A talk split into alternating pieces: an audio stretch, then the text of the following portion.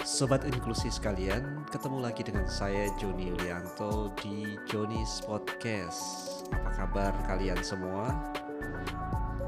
Semoga kalian semua sedang dalam keadaan yang senantiasa baik, sehat walafiat, dan tak kurang suatu apa pun ya di tengah pandemi COVID-19 yang masih belum usai meski sekarang ini situasinya sudah jauh lebih baik dibanding uh, beberapa waktu sebelumnya. Rasanya sudah lama sekali ya saya tidak mengisi atau hadir kembali di Johnny's Podcast ini setelah beberapa episode sebelumnya dan sekarang uh, saya mencoba untuk hadir kembali menyapa teman-teman dengan konten-konten di Johnny's Podcast. Semoga uh, dari konten ini akan lebih banyak lagi konten-konten yang menyusul dan memberikan obrolan-obrolan yang memberikan manfaat buat uh, semua sobat inklusi yang mendengarkan Johnny's Podcast ini.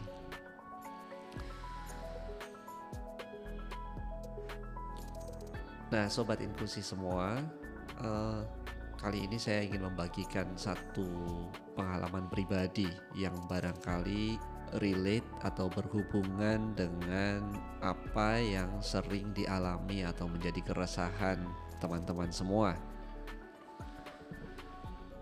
Dalam banyak kesempatan saya sering ditanya dengan satu pertanyaan yang kurang lebih sama. Jadi ada banyak pertanyaan kepada saya seputar Kenapa Anda bisa begitu percaya diri? Kenapa Anda bisa begitu uh, percaya bahwa Anda bisa melakukan banyak hal, sementara Anda mempunyai kekurangan? Jadi, seperti sobat inklusi ketahui, saya adalah seorang tunanetra total. Saya tidak punya sisa penglihatan kecuali untuk membedakan cahaya gelap atau terang selebihnya tidak bisa. Jadi uh, saya sepenuhnya mengandalkan pendengaran saya, penciuman saya, perabaan saya, ataupun perasa untuk mengenali, mengidentifikasi banyak hal yang ada di sekitar saya, termasuk mengakses berbagai informasi dan berkomunikasi semua saya lakukan dengan indera yang masih tersisa, terutama indera pendengaran. Nah, uh, mungkin untuk teman-teman yang ingin tahu lebih jauh tentang saya dan aktivitas yang saya lakukan juga dapat mengunjungi channel YouTube saya ya di channel Joni Yulianto. Nah, saya berbagi uh, beberapa hal di channel YouTube itu dan juga sebagian hal yang lain di podcast ini dan semoga dua media ini dapat saling melengkapi. Nah, kembali ke topik tadi. Saya sering kali ditanya pertanyaan seperti itu. Bahkan tidak jarang dalam diskusi-diskusi ilmiah di mana saya membahas topik-topik kebijakan publik bersama dengan pemerintah, bersama dengan organisasi masyarakat sipil dan yang lain-lain selalu saja ada uh, pertanyaan seperti itu. Jadi, kenapa Anda bisa begitu percaya diri? Kadang-kadang sebetulnya nih, kadang-kadang sebetulnya saya uh, dalam hati itu ingin mengatakan, emang ada yang salah kalau saya percaya diri? Apakah seorang yang tidak bisa melihat itu nggak boleh percaya diri? Apakah hanya Anda yang punya penglihatan pendengaran dan kondisi yang dalam tanda kutip menurut kebanyakan orang itu normal saja yang boleh percaya diri? Tentu tidak gitu. Tapi tidak mungkin saya mengatakan jawaban itu gitu. Nah, uh, biasanya saya memilih untuk memberikan eh, jawaban-jawaban uh, yang cukup apa uh, diplomatis gitu. Terlebih saya juga tidak ingin menunjukkan bahwa uh, lawan bicara saya itu memberikan pertanyaan yang salah atau memberikan pertanyaan yang uh, tidak sesuai. Nah, uh, tetapi dalam kesempatan ini saya yakin uh, banyak orang yang uh, juga mungkin punya pertanyaan yang sama atau bisa jadi banyak di antara uh, sobat inklusi yang mendengarkan podcast ini juga mengalami uh, situasi di mana uh, sedang uh, krisis kepercayaan, krisis keyakinan terhadap dirinya sendiri. Nah, saya kira uh, karena itu uh, bolehlah saya berbagi yang barangkali bisa bermanfaat untuk uh, sobat inklusi sekalian. Nah, berkait dengan topik tadi, ketika ada pertanyaan, kenapa Anda bisa sedemikian percaya diri? Sebenarnya, uh, buat saya pribadi, jawabannya tidaklah instan. Kepercayaan diri itu diperoleh dengan proses yang tidak mudah. Nah, tetapi setidaknya ada beberapa hal yang saya kira relevan untuk kita semua untuk membangun sebuah kepercayaan diri dan keyakinan terhadap diri kita sendiri. Pertama, untuk menjadi seorang yang percaya diri, kita perlu benar-benar mengenal siapa diri kita. Know yourself. Jadi, ketahui dirimu. Siapa kita, apa kelebihan kita, apa kekurangan kita. Karena kepercayaan diri itu muncul ketika kita masih menganggap diri kita adalah sosok yang asing bagi kita. Sebaliknya, kita menganggap orang lain itu atau kita menganggap atau berharap bahwa kita seharusnya seperti orang lain. Gitu. Nah, selama kita belum bisa mengenal siapa diri kita, maka kepercayaan diri itu masih menjadi sesuatu yang akan jauh dari diri kita. Nah, itu yang pertama. Jadi, yang pertama adalah ketahui, kenali siapa diri Anda.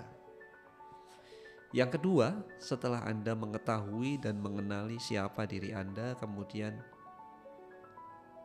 yang kedua adalah acceptance penerimaan. Terima diri Anda sebagai diri Anda sendiri. Nah, ketika Anda masih merasa bahwa ah saya tidak seharusnya seperti ini. Saya punya kekurangan seperti ini yang saya tidak mau itu ada dalam diri saya. Saya punya kesulitan seperti ini yang seharusnya ini bukan saya saya tidak melihat, padahal seharusnya saya bisa melihat. Saya tidak bisa mendengar, padahal saya seharusnya bisa mendengar. Tubuh saya kok terlalu gemuk, seharusnya saya langsing. Tinggi badan saya kok pendek, padahal saya seharusnya lebih tinggi dari ini. Ketika hal-hal itu masih berkecamuk dalam batin Anda, artinya Anda belum bisa memposisikan diri Anda itu sebagai diri Anda. Anda belum bisa menerima sepenuhnya keberadaan Anda dengan segala kelebihan dan kekurangan Anda. Bagaimana mungkin Anda akan memberikan kepercayaan kepada nah, sesuatu yang belum bisa Anda terima gitu. Sebagaimana ketika kita berhubungan dengan eh, orang-orang uh, yang ada di sekitar kita, mungkin dengan pasangan kita, dengan anak-anak kita, dengan bos kita, dengan rekan kerja kita, ketika kita belum bisa menerima mereka dengan sepenuhnya, maka kita belum akan bisa mempercayai mereka. Gitu. Jadi bayangkan saja, kita bisa lebih mempercayai bos kita hanya karena dia adalah orang yang punya relasi di atas kita. kemudian kita memberikan otoritas terhadap dia untuk mengatur banyak hal tentang kita. Sementara kita tidak bisa memberikan ruang untuk diri kita sendiri. Itu artinya kita belum bisa menerima diri kita dengan segala kelebihan dan kekurangannya. Jadi, yang kedua, setelah mengenali, memahami siapa diri kita, itu yang pertama. Kemudian, yang kedua adalah terima diri kita dengan segala kelebihan dan kekurangan yang kita punyai. Nah, apa yang ketiga? Nah, setelah kita mengenali, kemudian menerima diri kita, maka hal penting yang ketiga untuk menjadi percaya diri adalah selalu katakan bahwa diri kita bahwa kita akan jadi lebih baik kita akan dan bisa jadi lebih baik. Itu sangat penting. Jadi, berbeda dengan saya seharusnya tidak begini. Ketika Anda mengatakan bahwa saya seharusnya tidak begini, saya seharusnya tidak gemuk, saya seharusnya tidak pendek, saya seharusnya tidak hitam, dan seterusnya, dan seterusnya, maka di situ ada satu hal yang disebut denial, penolakan terhadap situasi Anda saat ini. Tetapi ketika Anda mengatakan bahwa saya akan dan bisa menjadi lebih baik, apa pun itu, maka Anda telah menerima diri Anda dan kemudian akan mengajak diri Anda untuk bersama-sama menjadi atau membawa kepada titik yang lebih baik. Nah, Begitu teman-teman. Jadi itu kira-kira tiga hal atau tiga tips untuk selalu menjadikan uh, kepercayaan diri kita itu menjadi meningkat dan lebih baik. Oh maaf, ada yang keempat. Nah, setelah ketiga hal tadi, kemudian yang keempat ini adalah hal yang sebenarnya tidak kalah pentingnya. Yang keempat adalah hargai diri kita seperti halnya kita menghargai orang lain. Nah, ini penting sekali. Tadi saya sudah sedikit menyinggung di awal. Kita sering kali memberikan ruang yang berlebih kepada orang-orang yang ada di sekitar kita yang kita anggap mempunyai pengaruh terhadap diri kita Bahkan kita biarkan mereka mengambil keputusan untuk diri kita. Guru kita, bos kita, atasan kita, rekan sekerja kita, sahabat kita, atau orang-orang yang kita pandang mempunyai kelebihan yang lebih dari diri kita. Kita biarkan mereka mengambil peran untuk menentukan apa yang baik dari diri kita. Sebaliknya, dalam situasi seperti itu kita sering kali tidak memberikan ruang untuk diri kita menentukan dan mengambil keputusan di antara pilihan-pilihan yang ada. Nah, ini masalah. Semakin ruang untuk diri kita itu diperkecil, maka semakin Anda akan melihat kelebihan orang yang ada di luar diri kita dan semakin Anda melihat banyaknya kekurangan dari diri kita. Nah, karenanya penting untuk memunculkan penghargaan terhadap diri kita sama dengan penghargaan terhadap orang lain yang ada di sekitar kita. Karena once kita menghargai lebih terhadap diri kita, maka kita akan lebih mendengarkan juga apa sebetulnya hal-hal yang lebih penting untuk diri kita. Dengan demikian, kita tidak akan merasa super inferior atau tidak akan merasa lebih rendah dari orang-orang yang ada di sekitar kita. Nah, sobat inklusi sekalian, itu dia empat tips untuk meningkatkan kepercayaan diri kita. Pertama, ketahui dan kenali siapa diri Anda. Kedua, cobalah untuk lebih bisa uh, menerima siapa diri Anda, kelebihan, kekurangan Anda. akui dan berikan tempat diri Anda itu sebagai yang spesial. Yang ketiga adalah kemudian katakan pada diri Anda bahwa saya bisa dan akan menjadi lebih baik. Dan di situlah ruang untuk Anda belajar dan meningkatkan segala sesuatunya. Yang keempat, hargai diri Anda sebagaimana Anda menghargai orang lain. Demikian sobat inklusi uh, podcast untuk episode ini dan kita akan bertemu di episode-episode berikutnya.